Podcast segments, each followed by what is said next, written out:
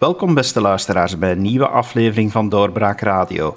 Ik ben uw gastheer David Geens en vandaag zitten in de virtuele podcaststudio van Doorbraak psychiater Kirsten Katoor en psycholoog Chris van den Broek. En zij zijn beide van de Vlaamse Vereniging voor Psychiatrie. Welkom. Dankjewel. Dank u. Jullie hebben recent een staten-generaal van de geestelijke gezondheid gehouden. Nu, dat klinkt heel mooi. Dat, eh, dat is een mondvol, een staten-generaal. Wat is het doel daarvan? Wat houdt dat eigenlijk in? Goh, ehm, ja, ik, denk dat ik dan beter even de geschiedenis uh, schets. Hè. Uh, het was de tweede keer dat we dat deden, recent, op 20 maart. De eerste keer was twee jaar geleden. En dat eerste, die eerste keer dat was eigenlijk um, ja, op aanraden van Guy Tegenbos, journalist van de Standaard, uh, die ons erop gewezen heeft dat de sector van de geestelijke gezondheidszorg eigenlijk veel te weinig met één stem sprak. En dat dat um, door het beleid soms ook wel uh, ja, werd gebruikt, denk ik dat ik wel mag zeggen. Dat, daar, um, ja, dat er ad hoc mensen werden uitgenodigd, uh, beleidsmakers nodigden ad hoc mensen uit. Um, zonder dat daar dan in het veld altijd uh, ja, een, een, die dan een boodschap gaven waar daar niet altijd consensus over was. Um, en ik denk dat dat een, belangrijk element was, een belangrijke drijfveer van die eerste Staten-Generaal, om echt met veel meer met één stem te gaan spreken. Um, en wij hebben dan in die eerste Staten-Generaal, dus wij waren initiatiefnemers samen met het, uh, het toenmalige eh, de toenmalige Vlaamse Vereniging voor Geestelijke Gezondheid. Um, ja, we hebben daar een aantal dingen op de kaart gezet, waar problemen op de kaart gezet, hè, waar, waar eigenlijk de ganse sector het wel eens mee was. En rond die thema's zijn we verder gaan werken en daar hebben we nu eigenlijk uh, recent dan uh, een soort van stand van zaken van gepresenteerd. Hè, van het werk dat er verricht is in de afgelopen twee jaar. Um, en het mandaat gevraagd op, om, aan de sector opnieuw om daarmee verder te werken.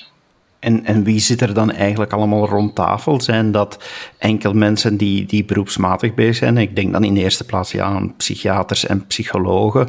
Of gaat het breder in, in de ganse sector van de geestelijke gezondheidszorg?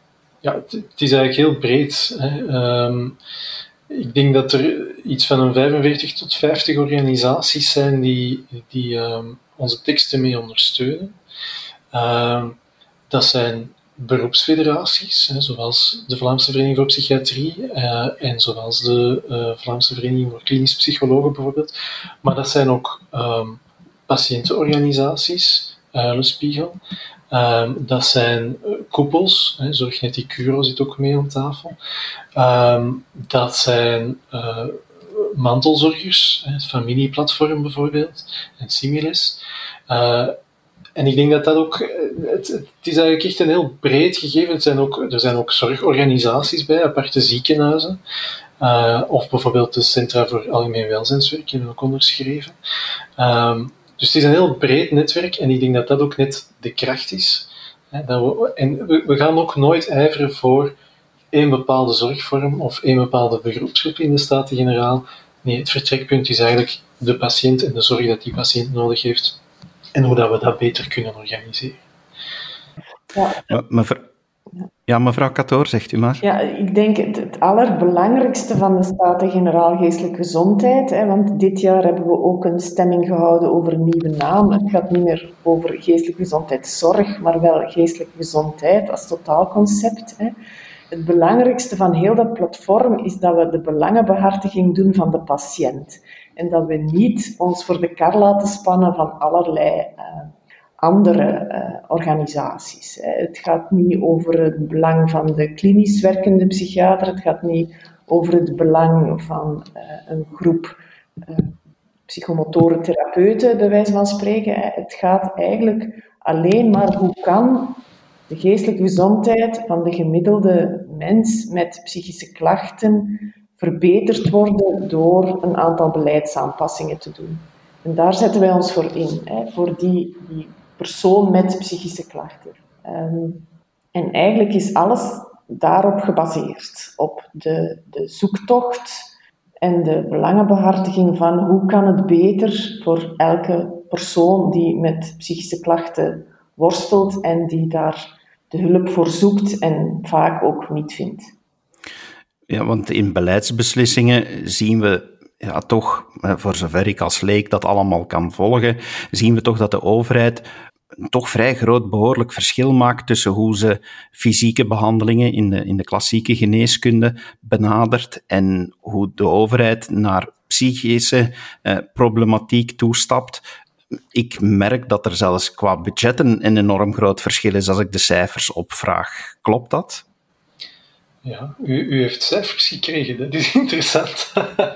uh, um, ik denk dat dat klopt, hè, maar ik denk dat Kirsten daar veel meer over weet, hè, over die verschillende bejegingen. Ja, kijk, de, de cijfers die er nu zijn, hè, alle cijfers globaal berekend, die gaan naar geestelijke gezondheidszorg, zowel op federaal als op regionaal niveau, hebben ongeveer, dat is berekend door het TINERA, bereiken ongeveer de 6%. Hè, terwijl het dubbele, 12%, de norm is, hè, volgens internationale organisaties. Dus eigenlijk, de OESO bijvoorbeeld zegt dat, de Wereldgezondheidsorganisatie zegt dat zeker voor landen met uh, hogere inkomens, zoals dat bij ons het geval is. Dus we zitten daar gewoon op de helft. Hè. Onze omringende landen die hebben allemaal 8, 10 procent. Um, dus het is gewoon belangrijk dat daar verschuivingen in de, in de budgetten komen van um, de somatische zorg richting de geestelijke gezondheidszorg.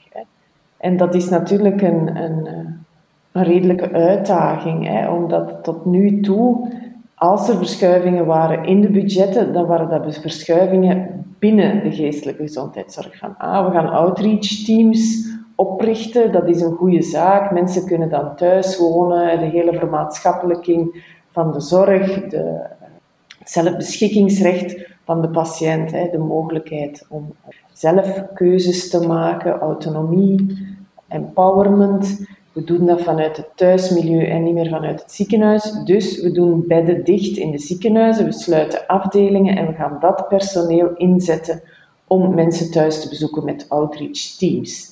Dus dat is een vestzak-broekzak operatie. We halen wat weg in de klinieken en we investeren het in ambulant. Terwijl, ja, dan blijft uw totaalbudget gewoon hetzelfde en er moet meer komen. Hè. En ik denk dat het, dat het essentieel is dat de beleidsmakers beseffen dat er op elk zorgniveau meer budget nodig is. Het gaat niet alleen over derde lijns, over mensen met heel ernstige psychiatrische aandoeningen die in ziekenhuisbedden liggen. Het gaat uiteraard ook over de eerste lijn, de eerste lijns psychologen voor mensen met gecompliceerde rouw, met eh, burn-out klachten, met relationele problemen. Het gaat ook over de tweede lijn, over meer gespecialiseerde ambulante centra geestelijke gezondheidszorg. Er is gewoon structureel tekort. Hm. En zolang dat tekort niet wordt aangevuld, zullen wij blijven aanmodderen. Hè? Ja. ja, en waar dat we ook wel duidelijkheid over hebben vandaag de dag, is dat investeren in geestelijke gezondheidszorg, dat dat ook echt een investering is. Hè.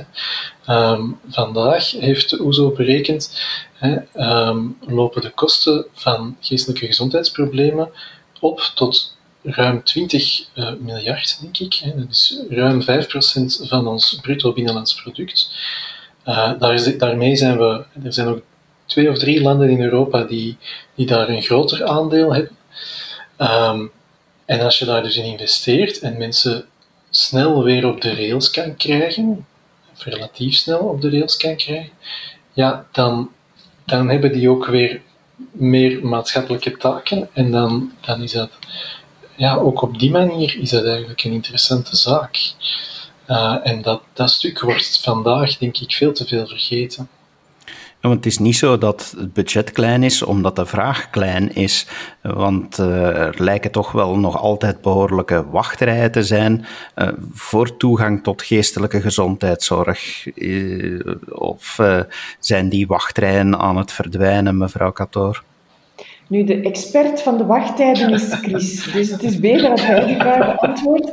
Maar vanuit mijn praktijk weet ik dat de wachtlijsten alleen maar groeien. Nee, de, wacht, de wachtlijsten zijn absoluut niet aan het slinken. En corona zit daar natuurlijk ook, iets voor, ook voor iets tussen. Maar los van corona, um, ja, dat, weet iedereen in de sector, zijn er al jaren wachtrijen. Ehm, nu, er zijn verschillende dingen die spelen hè, bij, bij wachtlijsten. Hè. Um, een, van de, een van de essentiële dingen is, staan mensen wel op de juiste plek te wachten? Dat is, dat is een eerste belangrijke vraag. Ehm, en dat is het verhaal, hè, want of, dat, er nu, of dat we het nu hebben over wachtlijsten in de geestelijke gezondheidszorg, of we hebben het over uh, een wachtrij bij de bakker op zondagochtend, dat is eigenlijk exact hetzelfde.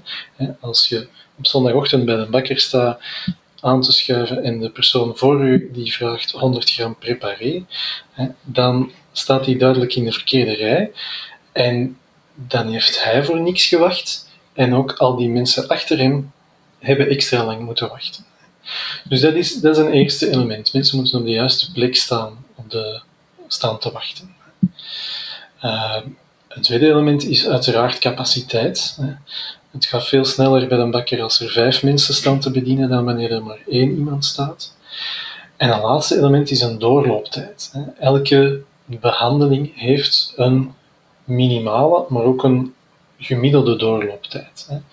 Ehm, als u een bakker een brood moet snijden, ja, dat heeft een, beperkte, dat heeft een bepaalde tijd nodig. Ik bedoel, dat, dat snijmachine dat werkt ook maar zo snel als het kan werken. Ehm, en dus als je de wachtrijen wil aanpakken, dan denk ik dat je op verschillende fronten moet, uh, moet werken. Er moet uiteraard capaciteit zijn, en dat is dan een bevoegdheid die ligt bij politiek, denk ik. Ehm, we moeten ook de doorlooptijd van een behandeling in toog houden. En dat ligt veel meer bij de zorgverlener en bij de patiënt. En een laatste element is, ehm, ja, hoe zorgen we ervoor dat mensen op de juiste plek staan te wachten?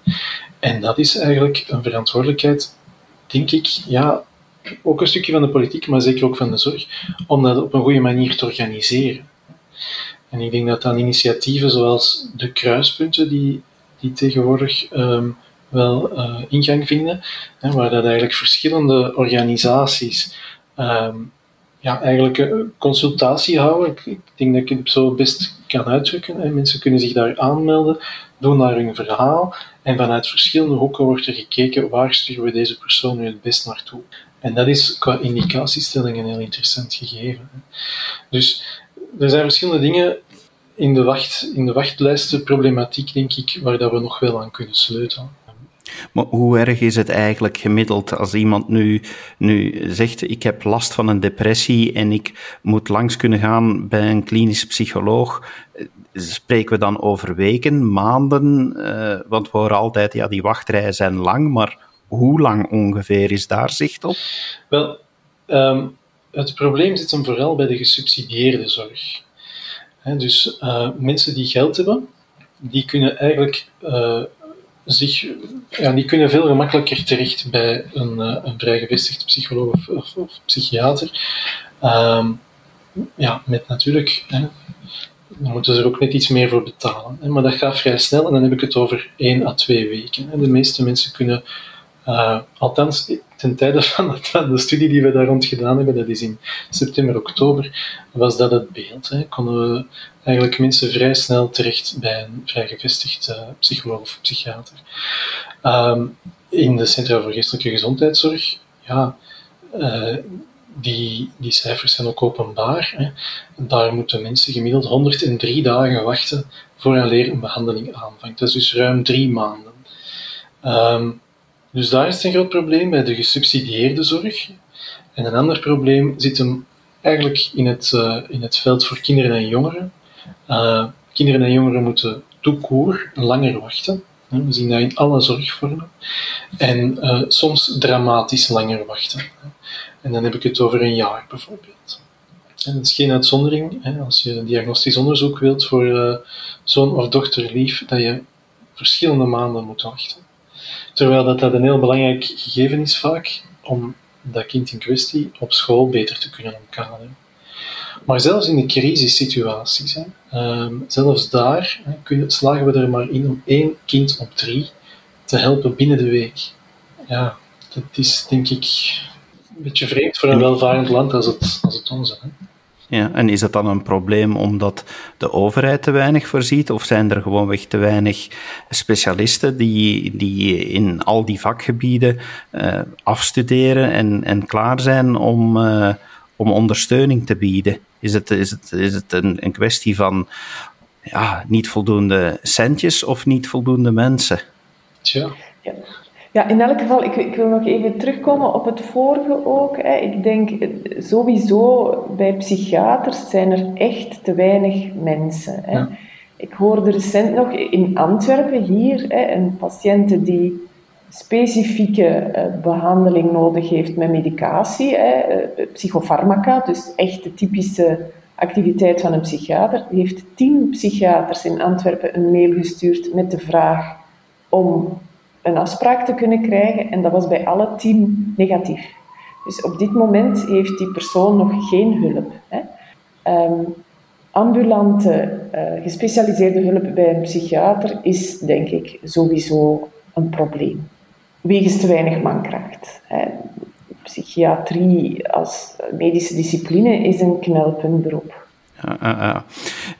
U zei daar ook natuurlijk medicijnen. Dat is op zich ook uh, al een, vaststelling. De medicijnen die in uh, de sector van de geestelijke gezondheidszorg gebruikt worden, die worden blijkbaar ook stiefmoederlijk behandeld, want die krijgen niet dezelfde etiketten opgeplakt als andere medicatie die, die veel sneller uh, ja, in categorieën van terugbetaling valt. Mm. Ja, levensnoodzakelijke medicatie, om het zo maar te zeggen. Hè. Bijvoorbeeld bij uh, epilepsie, bijvoorbeeld bij uh, diabetes, bijvoorbeeld bij vormen van uh, kanker sowieso. Die zijn in de categorie A, hè, levensnoodzakelijk, en die zijn gratis, de facto gratis voor de patiënt. In de psychiatrische zorg is er geen enkel medicament zogezegd levensnoodzakelijk. Wat natuurlijk vreemd is. Hè. Er zijn patiënten die zonder medicatie letterlijk ook doodgaan, ook van psychiatrische problemen. Dus ik denk dat daar veel meer verfijning nodig is, dat daar veel eh, zorgvuldiger naar moet gekeken worden. Er is ook het feit dat een psychische aandoening veel minder aanleiding geeft tot, uh, tot de erkenning van, van een handicap, uh, las ik in een van jullie documenten. Of dat het toch alleszins, uh, dat die erkenningsprocedure daar niet echt op afgestemd is. daar loopt ook blijkbaar een en het ander mis. Ja, wat, wat wij vooral hebben aangeklaagd is de, de procedure om een uitkering te krijgen van de federale overheid. Hè de zogenaamde invaliditeitsuitkeringen van Brussel, hè, zo heet dat dan. Um, ja, die zijn echt specifiek gericht op lichamelijke problemen en handicaps. Hè. Die vragenlijsten die staan bol van, van, van gestandaardiseerde um, afwijkingen, gebreken in de zin van uh, visuele handicap, bril, loop, uh, wandelstok, uh, fysiek, looprek, met wieltjes, zonder wieltjes, rolstoel, uh, extra trapleuningen, dat soort dingen. Hè. Maar ook incontinentiemateriaal, uh, dat soort dingen waar, waar patiënten zich ook absoluut niet in herkennen. Hè. Dat patiënten ook niet begrijpen dat zij dat moeten invullen, want daar liggen de problemen ook absoluut niet. Ik denk, um, ja, ik, ik heb het creativiteit genoemd, hè, dat er veel creativiteit nodig is bij de psychiater om die papieren in te vullen, dat er enigszins een uitkering mogelijk is, hè, maar dat is ook sowieso volledig afhankelijk van de goodwill van de adviserend arts. Hè. Maar ik sprak erover met professor Sabbe, die emeritus prof is aan de Universiteit van Antwerpen. En die moest daar eens mee lachen. Die zei van ja, wij liggen nogal wat bij elkaar, wij psychiaters, in onze carrière op al die formulieren. Dus het is maar eh, ja, welke semantische uh, keuzes dat men maakt. Maar het gaat erom dat het, het, correct invullen van die papieren leidt nooit tot een uitkering. Daar moeten we duidelijk in zijn. En dan denk ik dat de, dat de vooropgestelde uh, administratieve ja, zaken niet, niet correct georganiseerd zijn. Hè? Meneer Van den Broek, u zei daarnet ook al, ja, periode voor corona. Um, we zitten nu eenmaal midden in, in die pandemie. Heeft dat een invloed ook op, op die wachtrijen? Zijn er nu meer vragende patiënten omwille van corona? Heeft, heeft dat een invloed op onze geestelijke gezondheid? Wel, um, ja, het heeft, vermoed, het heeft zeer zeker een invloed op onze geestelijke gezondheid. In welke mate dat we dat uh, in de wachtrijen kunnen zien, dat is wel moeilijker, want er is geen eenduidige centrale registratie van die wachtrijen. Dus dat weten we niet. Hè. Wat we wel horen, hè, wat ik opvang in het veld rondom mij, is dat er, uh, wat, wat Kirsten net ook al zegt, psychiaters zijn vaak niet meer beschikbaar. Voor psychologen is dat hetzelfde. Hè. Nog niet zo lang geleden uh, hebben de psychologen uh, laten optekenen in de media dat er heel veel mensen zijn die een, een wachtstop doen. Um, er zijn ja, rond een aantal uh, problematieken uh, vangen we nog wel dingen op. Hè. Er zouden uh, veel meer eetstoornissen zijn bij jongeren op dit moment. Psychotische problematieken, dan kijk ik ook naar Kirsten, dat gaat wat op en af, maar dat is toch ook wel met momenten behoorlijk toegenomen geweest, denk ik, het afgelopen jaar. we horen dat er meer gedwongen opnames zijn. Um, ja, en het is natuurlijk ook niet zo vreemd. Hè. ja, als je. Um, ik, ik, heb, ik heb alle begrip voor de maatregelen, maar je hoeft geen uh, psycholoog of uh, psychiater te zijn om te weten dat als je mensen opsluit en heel erg beperkt, dat dat hun welzijn niet ten goede komt. Hè. En, en, uh, perspectief is ook belangrijk in dat verhaal en dat hebben we eigenlijk ook heel lang niet gehad. En zelfs nu is het heel, heel erg onzeker. Hè. Het rijk van de vrijheid lijkt ook maar altijd op te schuiven. Dus. Als we even terugkeren naar de Staten-Generaal, waarover dat we het hadden in het begin van ons gesprek, die is nu net afgelopen. Uh, zijn er dingen die, die daar uitgesprongen zijn? Wat, waar, waarover hebben jullie gepraat? Welke conclusies zijn er getrokken? Goh, we hebben over zoveel gepraat. Uh, de belangrijkste volgens u dan? De belangrijkste. Ja, dan, dan moet ik misschien uh, teruggrijpen naar wat de ministers hebben verteld. Hè. Dus er, zijn vier werkgroepen, hè. dat heb ik u daar straks al uitgelegd. Hè. Er is een werkgroep rond wachttijden, wachttijden er is er één rond uh, de visieuze cirkel tussen ziekte en armoede. Uh, er is er één rond transitiepsychiatrie en er is er één rond de financiering van de zorg, want daar zitten soms ook dubieuze dingen in. Hè. Uh, Soms is een ambulante begeleiding duurder dan een, dan een, een gehospitaliseerd traject. Um, dus we hebben rond al die uh, thema's hebben we de afgelopen twee jaar gewerkt. We hebben daar een stand van zaken gegeven en dan hebben de ministers uh, Beke en Van den Broeke daar ook op gereflecteerd. Ik denk, wat ik bij Wouter Beke heb gehoord, is dat er veel meer aandacht komt voor familie en familiebetrokkenheid in het verhaal van, van geestelijke gezondheidszorg. Wat denk ik een goede zaak is. Dat is uh, ik denk informele ehm, zorgverleners, zoals het dan heet, of mantelzorgers, dat die ook een traject gaan en dat die ook ondersteuning nodig hebben en tegelijkertijd ook die patiënt mee kunnen ondersteunen. Ehm, dus het is goed dat, die, dat daar meer aandacht voor komt. Ehm, wat ik bij Frank van den Broeke vooral heb gehoord, is dat er inderdaad grote historische tekorten zijn, dat daar uh, ja, plannen voor zijn om dat, uh, we zullen dat nauwkeurig opvolgen, om dat bij te benen. Uh, maar dat er ook moet ingezet worden op andere soorten zorg. Um, en um, wat ik daar ook heb gehoord is dat er wel een engagement is om met de Staten-Generaal ook verder te gaan kijken, bijvoorbeeld rond die toegankelijkheid van invaliditeit van dat statuut voor mensen met een ernstige psychiatrische aandoening, um, ja, hoe dat we dat kunnen aanpakken. Om daar wat, wat aan te sleutelen aan die regelgeving. Dat heb ik ook gehoord. Dus ja, nu denk ik dat het aan ons ook is om, ja, om dat warm te houden hè, en om daar dan ook mee verder te gaan.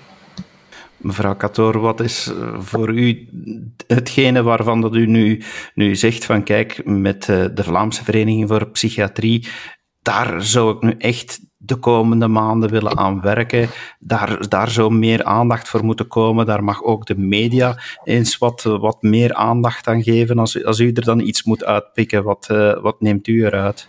Ja, wat wat uh, al jaren mijn stokpaardje is, uh, is dat een somatische ziekte en een, en een psychiatrische aandoening in wezen op dezelfde manier moeten behandeld worden.